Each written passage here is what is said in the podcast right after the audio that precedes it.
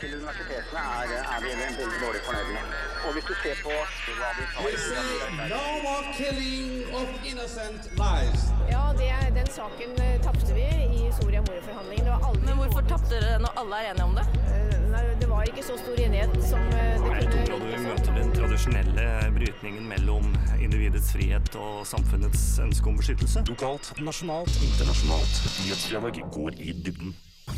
Ni av ti studenter er fornøyde med studiene sine, men kun én av tre er fornøyd med oppfølgingen. Dette ifølge den nasjonale undersøkelsen studiebarometeret.no.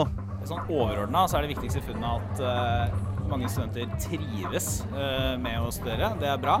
Uh, men samtidig så er det mange studenter misfornøyd med tilbakemeldingen og oppfølgingen fra institusjonene sine.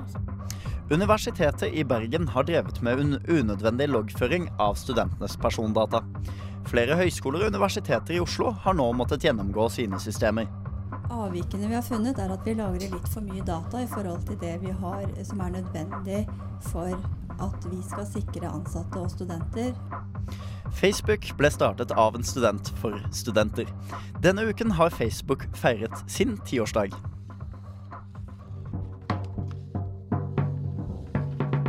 Nyhetsfredag. Fredager klokken 11 på Radio Nova FM 99,3. Du hører på Nyhetsfredag, studentenes aktualitetsmagasin, her på Radio Nova. Mitt navn er Helge Switters. Tallene fra nasjonal undersøkelse om studentenes opple opplevde studiekvalitet er nå klare. Dette for å kartlegge utfordringer innen norsk høyere utdanning. Men dette skal også brukes som et verktøy. Hvordan skal du få svar på om litt. Den siste uka har det kommet fram at flere høyere utdanningsinstitusjoner sitter på mye informasjon om studentenes bevegelser gjennom lagring av deres bruk av adgangskort. Går dette på personvernet løs? Vi har Kim Eilertsen fra Datatilsynet i studio for å gi deg svar. Og det kom jubel fra studenthold da førsteåret på amerikanske bachelorstudier skulle få lånekassefinansiering. Nå mottar Kunnskapsdepartementet kritikk for å operere med doble standarder. Og du har kanskje fått det med deg. Facebook fyller ti år. Hvordan har nettstedet påvirket hverdagen som student? Tanja Storsjøl, som forsker på sosial sosiale medier, kommer som gjest senere i sendinga. For først skal vi gi deg ukas viktigste studentnyheter. Nyhetsfredag gir deg ukas viktigste studentnyheter. Tre av fire private bedrifter sjekker ikke om vitnemålet er ekte. Det melder Universitas. Stig Arne Skjerven, avdelingsdirektør i Nasjonalt organ for kvalitet i utdanning, NOKUT, mener at dette kan få drastiske konsekvenser for samfunnet, og at juksemakerne sniker i køen foran flinke folk. NOKUT anmeldte vitnemålsjuks seks ganger i 2013. I emneknaggen denne uken kom Klassekampen-journalist Jens Kiel med krass kritikk mot Norsk studentorganisasjon. Han kalte NSO byråkratisk og overadministrert, men rettet også blikket mot økonomien. Eh, Det er den eneste organisasjonen eller, altså av, av noe jeg kjenner i hele Norge som har en ordning med betalte ordstyrere. Eh, Jeg opplever det som et eksempel på, på et, eh, en, en, en pengebruk som ingen andre organisasjoner tar seg råd til. NSO-leder Ola Rydje var glad for at debatten kom på bordet, men mente at mye av kritikken var uberettiget. Jeg opplever at uh, Jens har en ganske stor avstand til hva organisasjonen faktisk er i dag, da, og at det er lenge siden også han var i studentpolitikken. Hør hele debatten på Soundcloud. De må være forberedt på en tøff hverdag. Det sier Stein Strømnes, informasjonssjef i Eiendomsmeglerforbundet. Dette sier han til nrk.no etter at nye tall viser at boligmarkedet flater ut, og at det utdannes for mange eiendomsmeglere. Ved Handelshøyskolen i BI er mange av eiendomsmeglerstudentene usikre på fremtiden etter studiene. Universitetet i Bergen har kontroll på når studentene sine går på do. Det kommer fram av Bergens Tidende. Vi beklager dersom vi ikke har fulgt regelverket, sier UiB-rektor Dag Rune Olsen. Studiebarometeret kom denne uken. Det er NOKUT som har laget barometeret, som er en oversikt over studentenes opplevde studiekvalitet. Det er gjort på oppdrag for Kunnskapsdepartementet. Mer om barometeret senere i sendingen. Dette var ukens viktigste studentnyheter. Mitt navn er Marte Stulen Aamodt.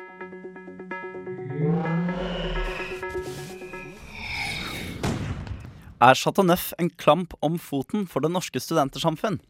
Dette var tema for interndebatt tidligere denne uka.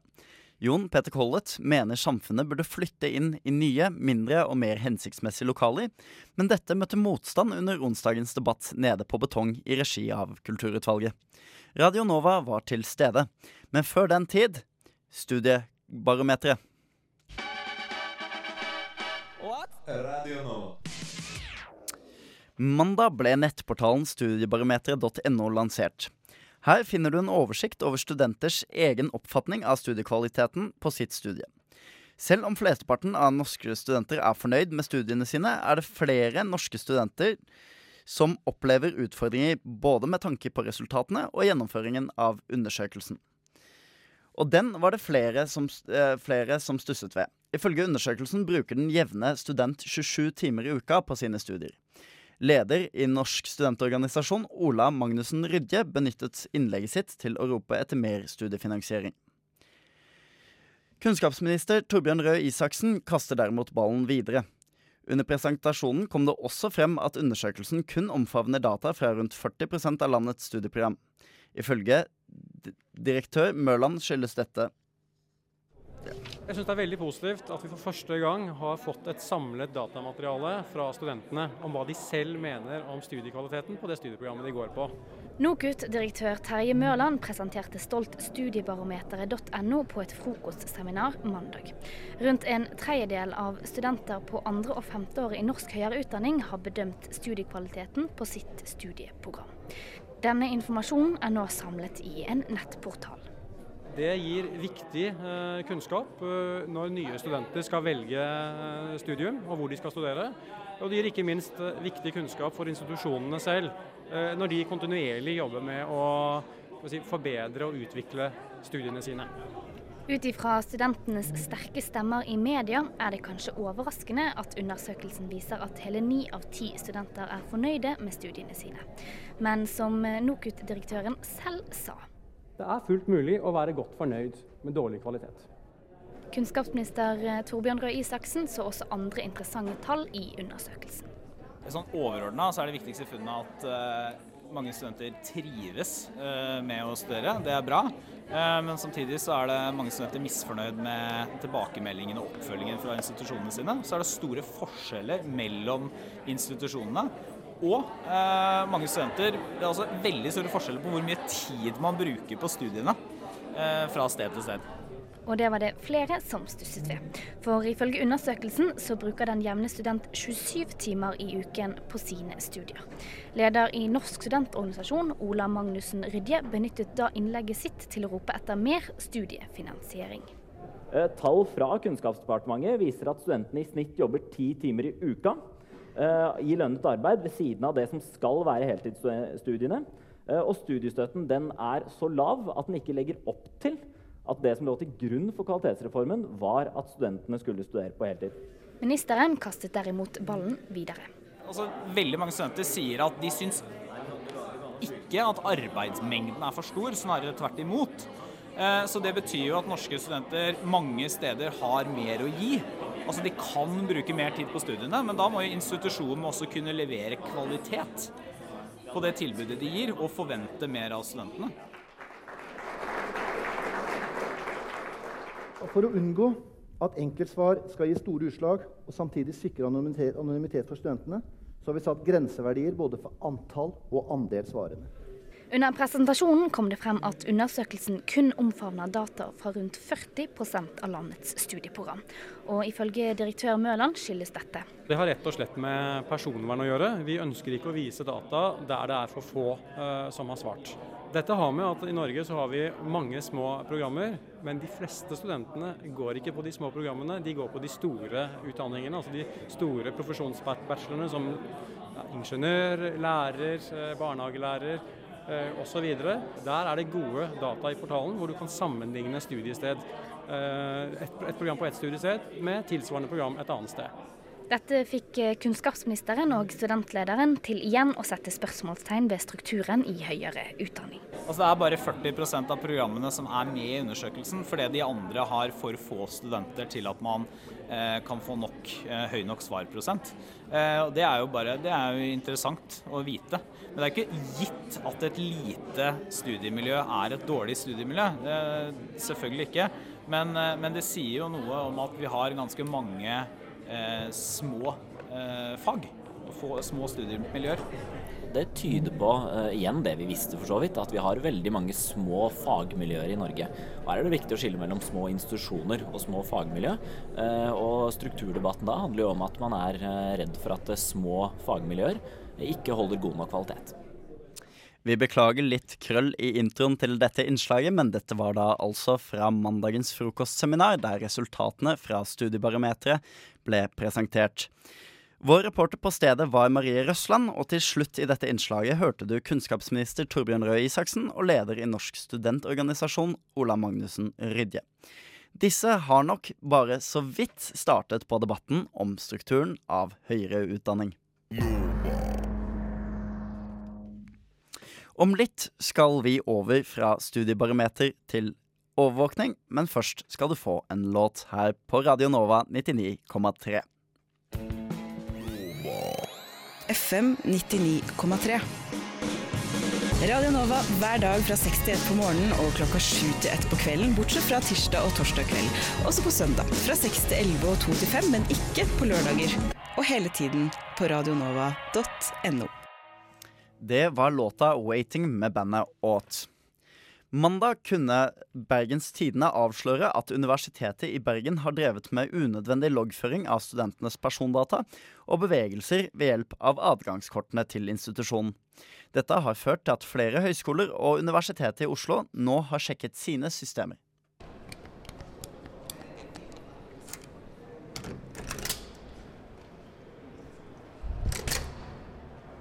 Åtgangskort, passeringer og persondata. Overvåkinga på Universitetet i Bergen har ikke nådd studentene på Blindern. Det var nytt for meg. Jeg har ikke hørt noe om det ennå. Det visste jeg ikke engang. Det har jeg ikke hørt om. Det høres jo ikke bra ut, men Uheldige registreringer er kanskje nærere enn en tror. Tirsdag gikk Universitetet i Oslo gjennom sine kortlesingssystem. Avvikene vi har funnet, er at vi lagrer litt for mye data i forhold til det vi har som er nødvendig for at vi skal sikre ansatte og studenter og eh, andre verdier. Det er alltid alvorlig når vi lagrer personopplysninger som ikke skal, eh, skal lagres. Så Derfor iverksetter vi tiltak nå for å rydde opp i dette så raskt som overhodet mulig. På BI kan studenter og besøkende nytte seg av campus uten adgangskort. Britt Amundsen Hoel, stabssjef på eiendomsavdelinga på UiO, mener vanlig adgangskortpraksis på det gjengse universitet og høgskole ikke er et overtramp på personvernet. Jeg syns ikke det er overvåkning det vi driver med i adgang, å lagre palasseringsdata i adgangskontrollsystemet. Dataene lagres for å kunne avklare uønskede hendelser i ettertid. Og det er kun et fåtall autoriserte personer i vakt- og alarmsentralen som har tilgang til disse dataene. Så de brukes ikke på noen måte til å tyvtitte på hvor du eller jeg har vært. UiO har jo sagt at det har noen avvik i sine system. Hva syns du om det?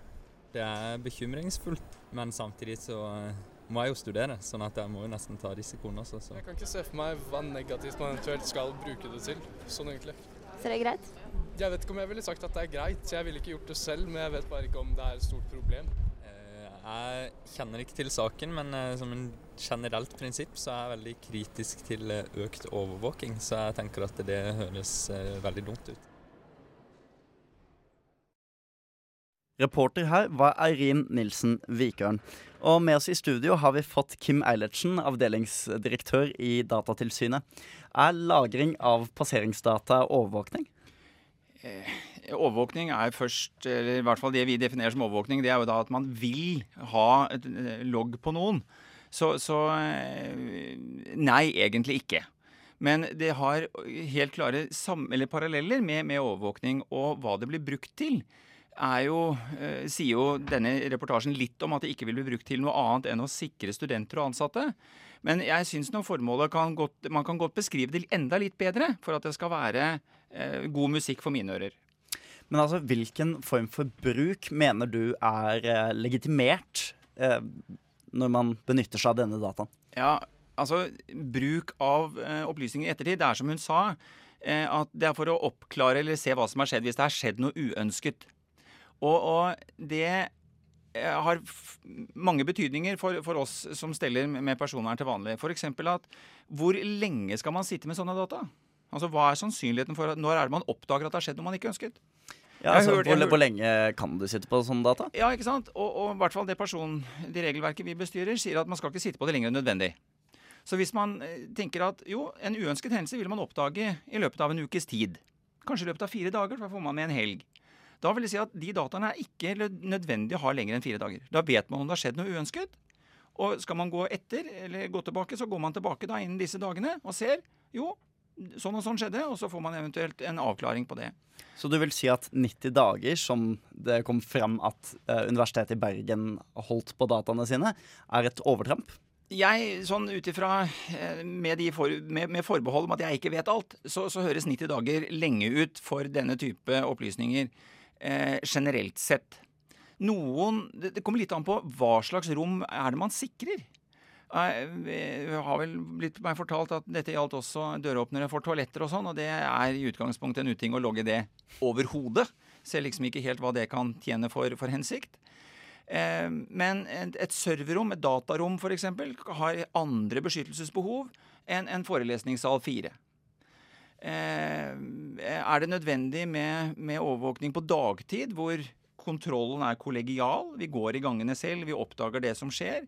Må vi da logges for å ivareta egen sikkerhet, bygningsmassens sikkerhet? På serverrommet, ja, kanskje. Forelesningssal 4, litt mer skeptisk. Eh, uten noe alminnelig kontortid, færre folk i lokalet, og kanskje da med PIN-kode, sånn at man skjønner at jo, nå identifiserer jeg meg for et system. Forutberegnelighet, god informasjon til brukerne. Det er mange elementer som man skal tenke på før man bare kjøper et adgangskontrollsystem og monterer det og trykker på start. Men Eilertsen, du er avdelingsdirektør i Datatilsynet, som driver med oppfølging av eh, personers eh, data. Sørger for at dette her gjøres på en forsvarlig måte. Eh, har dere, altså Hva slags type misbruk har dere sett i deres tilsyn? Vi, akkurat Sammenlignet med adgangskontrollsystemer, så, så har vi ikke i hvert fall som jeg tar fra hukommelsen, noen saker som går rett på det. Men hele poenget er jo at hvis noe er, noen data da er samles inn for én hensikt, f.eks. sikre bygningen at det ikke er uvedkommende til stede og sånn, eh, så er spørsmålet eh, kan det brukes til noe annet? Og en arbeidsgiver vil kanskje være fristet til å sammenligne adgangskontrollsystemet med timelistene dine. Da bør man i hvert fall vite om det på forhånd, at det kan være hvis man kommer sent og går tidlig, som man gjerne sier om fleksitidsordninger, og skriver timer som ikke stemmer med det, så kan det da bli et overvåkningsinstrument som ikke var tiltenkt å være det. det har vi, vi har ikke sett det med adgangskontrollsystemer, men med andre loggføringssystemer så har vi sett eh, det eh, vært gjort fra arbeidsgiversiden. Så med andre ord så er du mer bekymret for at dataene til de ansatte kan misbrukes heller enn studentene? Ja, hvis, du ser misbrukspotensialet, så er det vel ikke Det går jo stort sett bare ut til studenten selv om man eh, sover lenge om morgenen og, og tar lange lunsjer. Eh, men, men der er det i hvert fall et potensial. Men som sagt, jeg har ikke hørt om at adgangskontrollsystemet er blitt brukt til det. Eh, vi har sett på noen sånne horrible eksempler som vi har hørt om fra callsenterbransjen. hvor, hvor eh, når man forlater skjermen, så må man logge seg ut av telefonsystemet, og da må man oppgi grunnen. Og, og at man da må oppgi grunnen for at man skal på toalettet for å gå bære av telefon. Og at det blir brukt som en måleparameter i arbeidslivet, det syns vi kanskje ble litt vel detaljert til at vi hadde noe sansen for det. Men over til deres oppfølging av eh, disse institusjonene. Altså, disse høyreutdanningsinstitusjonene eh, institusjonene er jo pliktet til å rapportere systemet til Datatilsynet hvert tredje år. Kontrolleres dette godt nok i dag? Eh, Vi følger ikke opp alle meldinger som kommer til oss. Da vil vi ha måttet bruke alle ressursene våre til det. Og det, det, er, ikke, det er ikke en formålstjenlig. Det er med andre store problemer der ute som vi tar tak i, istedenfor å løpe etter de med adgangskontrollsystem. Eh, Forpliktelsen til å melde dette til oss hvert tredje år, det er eh, Vi håper jo at det skal ha en effekt ved at man da går igjennom sine egne rutiner, i hvert fall hvert tredje år. Driver vi dette på en fornuftig måte, som innslaget viste, at nå går det gjennom adgangskontrollsystemet når det var noen som de liker å sammenligne seg med, som hadde oppdaget noe feil. Og det er veldig bra. Og, og da håper jeg at eh, hvis de har noen spørsmål om hvordan dette bør skru sammen, så skal, vi, skal jeg ta telefonen jeg og svare så godt jeg kan. Men hele poenget her er ikke mer enn nødvendig. Hva er nødvendig for å passe på studenter, bygninger, ansatte? Og lage liksom en avveining av retten til privatliv, altså retten til å få være i fred. Retten til ikke å bli registrert når man beveger seg i et ellers åpent samfunn. Men er det sånn at institusjonene tar kontakt med dere før de installerer disse systemene, eller er dette noe dere reagerer på i etterkant? Både og. Eh, vi har eh, profesjonalisert veiledningstjenesten hos oss, så vi inviterer alle til å ta kontakt før de begynner. Og, og vi tar telefonen eh, i alminnelig arbeidstid, og man er hjertelig velkommen til råd- og veiledningsmøter hos oss. Eh, vi tar noen i etterkant også, da en form for kontroll, hvis vi blir gjort oppmerksom på det. Eh, F.eks. denne saken, hvor, da, hvor, jeg er her og prøver å, å, spre det vi mener er det glade budskap. Eh, så det er litt sånn kombo, men helst i forkant. Forpliktelsen er at vi skal ha beskjed om dette 30 dager før man setter i gang innsamlingen av personopplysninger. Så helst i forkant, men vi kommer i etterkant hvis vi blir gjort oppmerksom på det. Hva er ditt inntrykk om bruk av eh, personopplysninger i Norge? Eh, har du inntrykk av at alt er som det skal? Er, eh, er det stort sett slik at folk er ansvarlige? Eh, for å svare på det siste først. Veldig mange er ansvarlige. Men jeg tror, eller i hvert fall mitt inntrykk er at det mangler litt kompetanse på dette området. Det mangler liksom litt sånn tenkning på hva er personvern? Altså hva gjør disse systemene vi tar i bruk? Ny teknologi ramler inn over oss. Eh, I eninga telefoner, adgangskontrollsystemer, du kan lukke opp dører med telefoner, bilen ringer hjem til verkstedet når den har det vondt. Det er ikke måte på hva som skjer med oss. Men vi rekker kanskje ikke da å tenke over hva gjør disse systemene med oss? Universitetet i Bergen. Jeg tror ikke det er vond vilje at det systemet registrerer alle bevegelser. De har kjøpt noe, og så er det installert, og så har man trykket start. Og så har man ikke hatt idé om, eller kompetanse, bestillerkompetanse, for å bruke et fint ord, til å tenke hva, hva skjer da? Hva er, hva er det dette systemet gjør? Ja, men det virker jo. Og så har man slått seg til ro med det uten å tenke tanken langt nok. Hva gjør det med folka? Og det er en god, god refleksjon, tror jeg. Hva gjør den teknologien vi, vi, drar i gang med? Hva gjør det med menneskene som, som skal bruke? Er det derfor godt at denne typen saker tas opp i media? Det tror jeg. Det tror jeg er veldig sunt. Refleksjonen over hva teknologi gjør med oss, det skal vi minne oss selv på innimellom. Takk for at du kom i studio, Kim Eilertsen, avdelingsdirektør i Datatilsynet. Bare hyggelig. Om litt skal vi til USA her i Nyhetsfredag, men først en låt. Shut up! Shut up! Shut up! Shut up! Shut up! Shut up! Shut up! Radio Nova gir seg aldri. I budsjettet for 2014 ble det bestemt at man ville begynne å støtte det første året på amerikanske bachelorstudier gjennom Lånekassen. Nå viser det seg at vurderingen av hvilke læresteder som er støtteberettiget, er basert på andre kriterier enn resten av studieløpet. Tillitsvalgte i ANSA og NSO reagerte tidligere denne uka på måten Torbjørn Røe Isaksen forsvarte ordningen, men nå ser det ut som at Høyre vil endre ordningen istedenfor å bevare denne. Ja, det her bildene er vel fra første uka mi i USA. Um, På en kafé sitter Line Stensland og ser tilbake på studielivet på college i USA. Her tok hun det første året på amerikansk høyere utdanning, det såkalte freshman-året. det er veldig mange rare bilder her, da. Fant på så mye sprell. Dette året har til nå ikke blitt finansiert av Lånekassen. Begrunnelsen for dette har Line hørt før. Politikerne liker jo å bruke argumentet at uh, det er jo som å gå videregående på nytt. Altså siste året videregående på nytt. Men altså, sånn var det jo ikke. Altså Første uka jeg kom på college, så måtte jeg ta tester da, i de fleste fagene. Um, for å se hvor jeg, hvordan jeg lå an, og hvordan, uh, altså hvilke klasser jeg kunne melde meg opp til å ta. da. Så, så selv om jeg hadde jo tatt altså, realfag på videregående, så det var ikke som at jeg måtte ta dem på nytt. Jeg ble jo plassert i, det, i noe som var på mitt nivå, eller litt høyere. Kun opptak ved en av de 200 institusjonene som scorer best på internasjonale universitetsrankinger, gir deg rett til freshman-støtte. Stortingsrepresentant for SV, som innførte ordningen før de forlot regjeringskontorene, Torgeir Fylkesnes, kaller Lånekassestøtten, som nå skal gis, et unntak. Han er skeptisk til generell støtte, en skepsis fundert på argumentene Line er så uenig i. Det er jo det unntaket vi nå har fått på plass. At uh, en rekke, uh, det er vel nærmere 100 studier i USA, er det som blir dekka av denne unntaksregelen om at du kan få dekt, uh, du kan få støtte på det aller første året. Ellers er det, er det jo litt problematisk, for utdanningssystemet i USA er litt annerledes enn i, enn i Europa og, og i Norge. Den begynner tidligere, sånn at første året er rett og slett litt irrelevant i forhold til vår utdanning i Norge. Nåværende kunnskapsminister Torbjørn Røe Isaksen brukte lignende argumentasjon da han fikk stilt et skriftlig stortingsspørsmål av Iselin Nybø fra Venstre. Følgende er et utdrag fra svaret hans.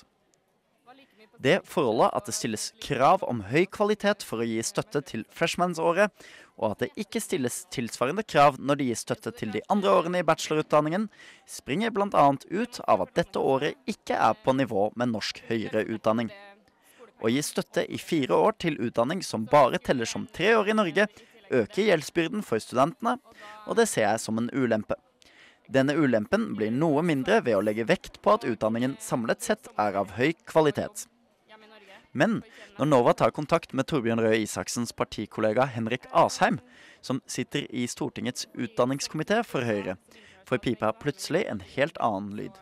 Nei, altså Det store problemet med det resonnementet er at du må gå det første året for å gå de neste. Eh, og Det er litt urettferdig å si at det første året det skal du betale helt selv, eh, men så kan du fortsette. Da blir det veldig mange velstående studenter eller studenter med mye studielån som går på universitetene i USA. Og vi trenger at flere gjør det. Line Stensland var heldig og fikk innvilget et privat stipend. Ellers ville hun ikke hatt muligheten til å ta freshman-året. Kunne du dratt uh, uten å få det stipendet? Um, nei, det tror jeg egentlig ikke, av økonomiske grunner. Um, jeg er ikke så heldig at uh, jeg har foreldre som har uh, mulighet til å punge ut uh, veldig mye penger for, for å betale for, for freshman-året.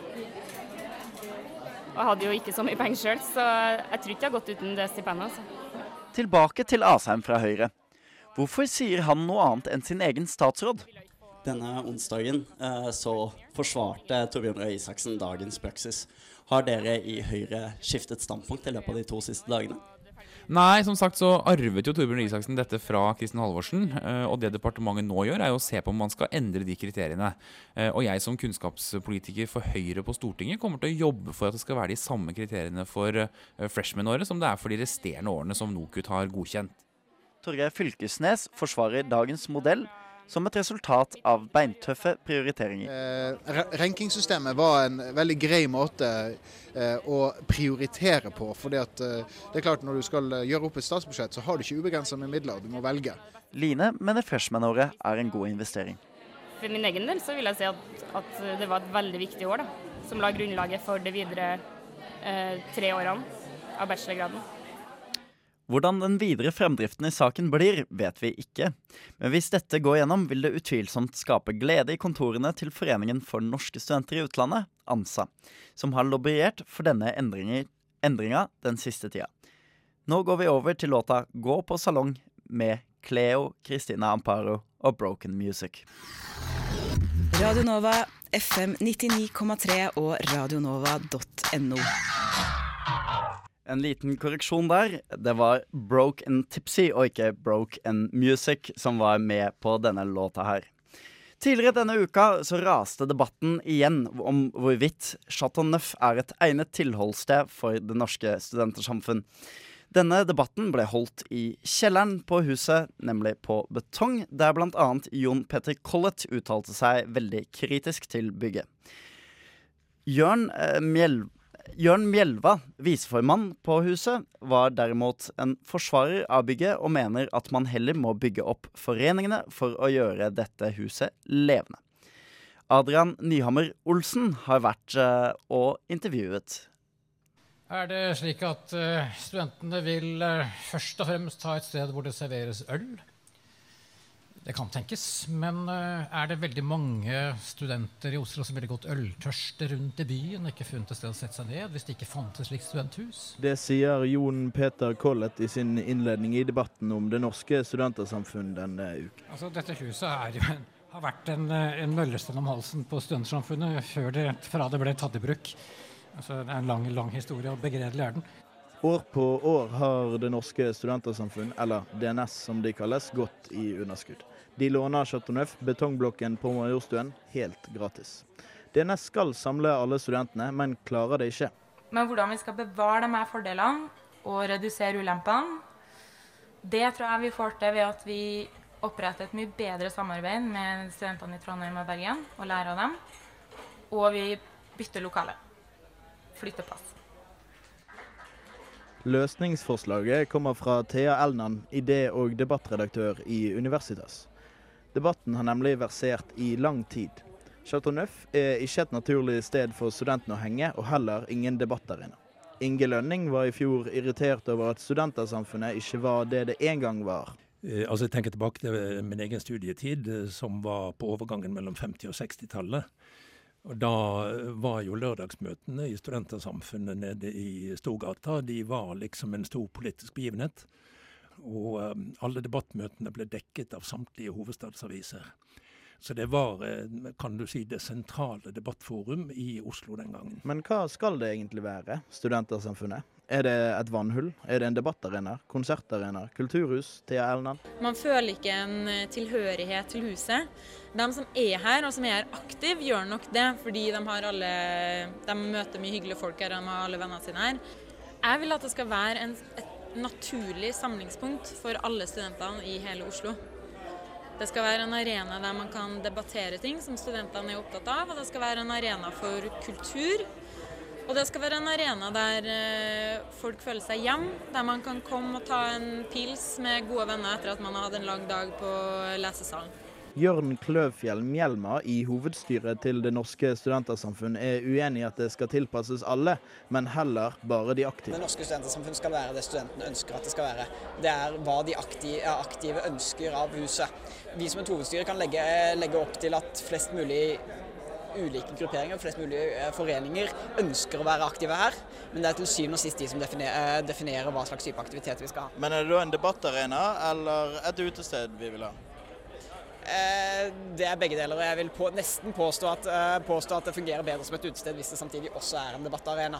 Eh, men per i dag så er det jo nettopp det er en debattarena. Man har foredrag her, en, man har konserter, man har store fester et par, fester et par ganger i året. Det går ganske greit å forene, forene, mye, av forene mye av denne aktiviteten.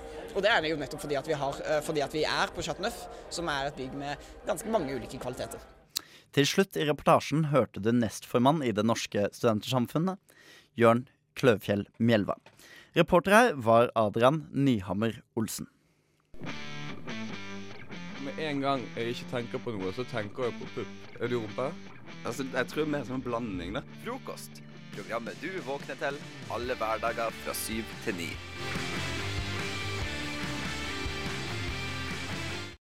Frokost hører du altså fra mandag igjen av. Men nå er det Nyhetsfredag du hører på, og vi skal over til Facebook. For i en studentbolig på Harvard kom Facebook til live. Det var Mark Zuckerberg som for ti år siden for ti år siden denne uka startet nettstedet, først bare som et medium for studenter internt på Harvard.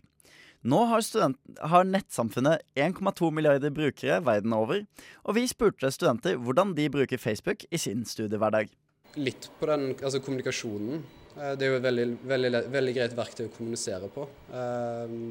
Sånn med andre studenter og ja, på den måten der. Hvordan bruker du Facebook i din studiehverdag? Nei, Det blir jo sånn kollokviearbeid, da. Dele ting osv. Hvis Facebook ikke hadde eksistert, hva hadde du gjort da? Måtte jo ha møttes, da. Sendt SMS-er. Prøvd å møtes mer IRL, for å si det sånn. Um, it's been good for working out what things are for exams and for finding out about maybe if you didn't go to class, finding out um, what you missed, I guess. Uh, hvordan har Facebook liksom påvirket det å studere? Um, ganske mye. F.eks. når jeg sitter i forelesning, så pleier vi å sitte med PC-en. da. Uh, og da er det veldig lett å bli distrahert um, og ende opp på Facebook og sånn. Men også veldig sånn positivt. For så er all, um, klassen, hele klassen vår, selv om vi er som 200 stykker, er samlet i en Facebook-gruppe. Og da, hvis vi har spørsmål, så bruker vi det. Uh, ja, og vi har kollokviegrupper der og sånn. Så det kan være både positivt og negativt. Hvis eh, Facebook ikke hadde eksistert, hvordan hadde kommuniseringen eh, mellom deg og dine medstudenter sett ut da? Uh, mye Jeg hadde ikke visst hvem halvparten var, tror jeg.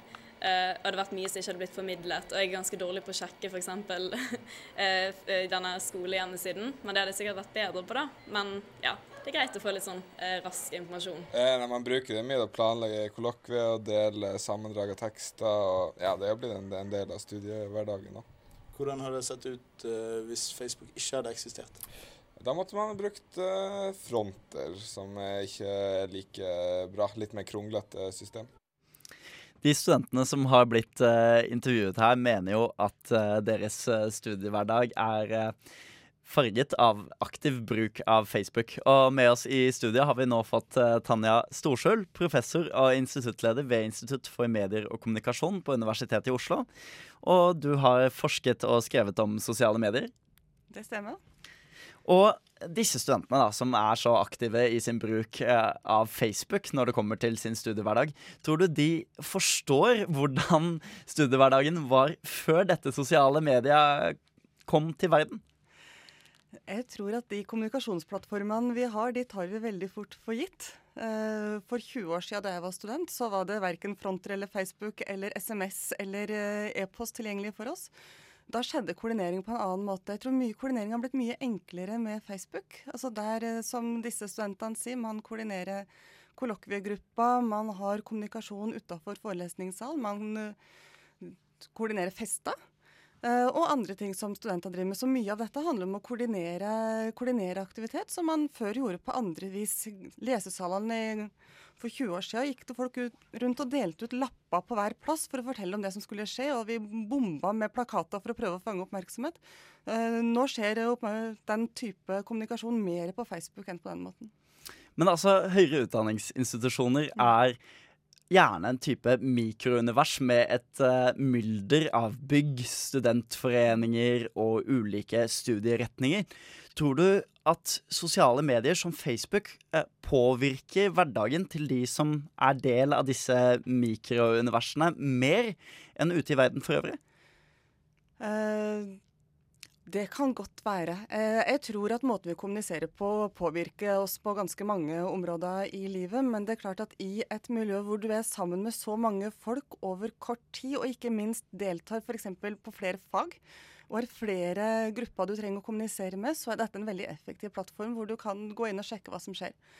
En annen ting er jo at dette er folk i en alder hvor det å bygge sin identitet er viktig. Eh, og det å vise hvilke fagmiljø man er med på gruppa i, eller hvilke utsagn man liker, eller om man liker Naturhistorisk museum eller andre ting, si noen ting om hvilken person man har lyst til å, fremstå som. Sånn at i, i disse årene som også er veldig viktig for identitetsforming, så er kanskje dette særlig viktig.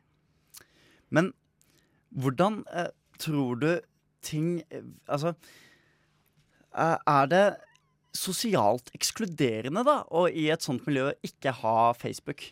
Det tror jeg er helt åpenbart. Eh, fordi at mye av informasjonen om hva som skal skje, hva skjer neste gang, hva skjedde på forelesning, de små kommentarene som kan komme, eller invitasjon til, eh, til fest eller en sosial sammenkomst, eller koordinering av ekskursjoner, hva skal man ha på, på seg når man skal på ekskursjon til Island. Eh, det er type kommunikasjon man da blir avhengig av å, å ha noen andre som forteller om. Eh, Da må man en, kjenne noen som er på Facebook som kan fortelle om de viktige tingene som skjer. Men Da får man et filter. Har vi blitt mindre selvstendige pga. dette? Eh, Vi har i hvert fall ikke blitt mindre sosiale. Men eh, det var en av disse studentene som sa at det var en utstrakt bruk av Facebook og sosiale medier på forelesningssalen. Altså Er dette negativt for studieprestasjoner også? Eh, Jeg tror ikke du skal overvurdere betydninga av det, fordi vi fant ting å bli distrahert av før også. Eh, Sånn at distraksjoner de fins, og de, de får nye uttrykk. Og, Facebook er ett av, ett av disse. Hva var hoveddistraksjonen da du studerte? Nei, man kan ha mange reiser i hodet, og jeg tenker på, på de steder man skulle vært. Eh, eller se på folk. Det er my mye å gjøre da også. Men jeg tror at uh, selvfølgelig er det ofte man da blir tatt, uh, tatt med videre til et, en arena eller en diskusjon som ikke hører hjemme på forelesninga, hvordan man heller burde ha konsentrert seg. Noen ganger brukes også den andre veien, med at det foregår en parallelldiskusjon, og man hjelper hverandre med lenka til, til tema som blir diskutert. Sånn at det ikke, og det er ikke utelukkende den ene veien. Men bruker dere øh, Facebook også aktivt i forskning? Altså i uh, dere akademisk ansatte? Ja, ja, ja, vi er på Facebook vi også. Vi har uh, mange, mange lærere bruker Facebook i undervisninga nettopp til å koordinere og diskutere og komme med informasjon til, eh, til studenter. Eh, Vi har eh, Facebook-grupper for ulike akademiske grupper, altså ulike forskernettverk nasjonalt og internasjonalt. Eh, Vi liker hverandres kronikker eller artikler og, og skryter av hverandres bøker. Når noen har kommet med en bok, så gjør vi jo mye av akkurat det samme som studentene gjør, og sier at det var godt jobba, flott, stå på. Vil du si at det fortsatt ligger et uutnyttet potensial i, i Facebook, eller har det nådd sin topp? Eh, Fram til nå, de ti årene som har gått, så har Facebook eh, tatt stadig nye roller og utvikla stadig nye funksjonaliteter, så jeg tror ikke vi er ferdig med det. Tusen takk eh, for at du kunne komme i studio, Tanja Storsjøl. Og til slutt i dagens sending, slik, hver, slik vi gjør hver eneste fredag, så avslutter vi med at vår redaktør Erlend Buflaten skal få presentere sine tanker i en leder. Og i forbindelse med dagens avspark av OL i Sotsji, er det TV i arbeidstiden som er tema.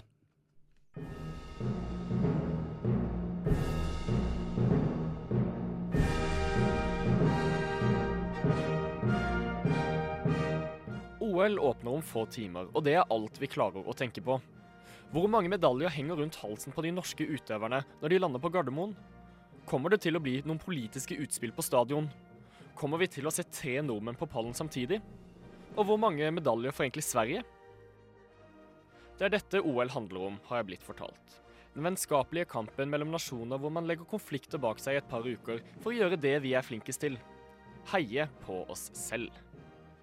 I år er det derimot litt vanskeligere å feie konfliktene under teppet. Bildeserier av menn og kvinner som blir angrepet fordi de holder rundt en av samme kjønn, har gjort millioner av mennesker verden rundt forbanna. Hvordan kan IOC med god samvittighet legge vennskapslekene til et land som straffer mennesker som deler seng med en av samme kjønn? Penger, så klart. Det er liten tvil om at det er penger som har mye å si for tildelingen, men dette benektes naturligvis av den olympiske komiteen. Og benektelse er gjennomgående for årets olympiske leker. Putin benekter at homofile er mennesker. IOC nekter for at det er noen sikkerhetsrisiko for utøvere og publikum som vil demonstrere. Og Russland står fast på at alt kommer til å være ferdig innen åpningen. Noe nylige bilder så tvil om.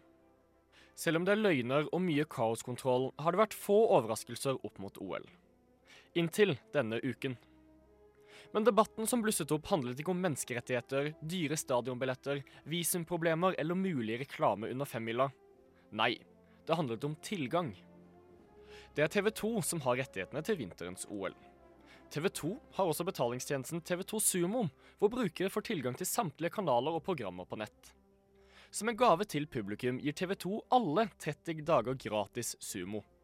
Nok Sumo til at folk skal få se de to ukene OL holder på.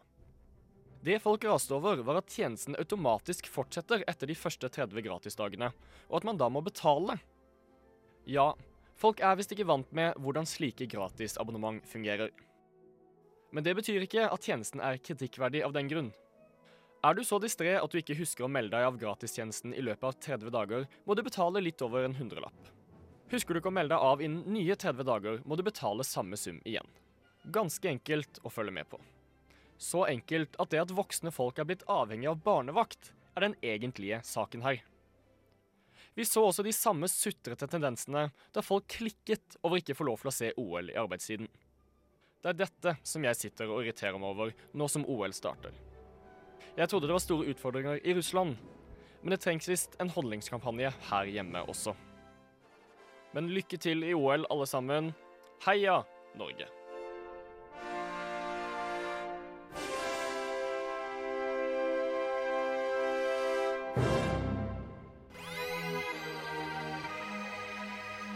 Radio Nova. FM 99,3.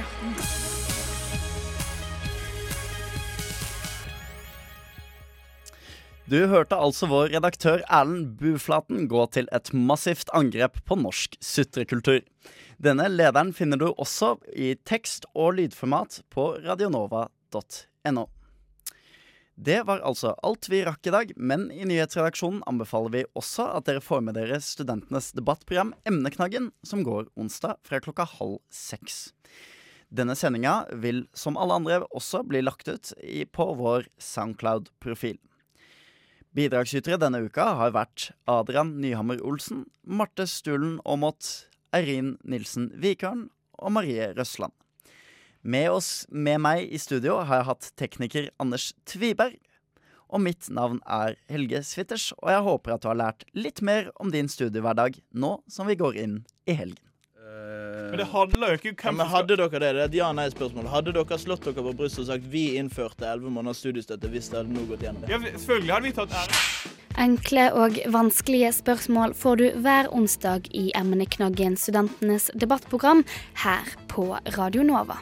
Får man være heltidsstudenter med ti måneders studiestøtte? Nei.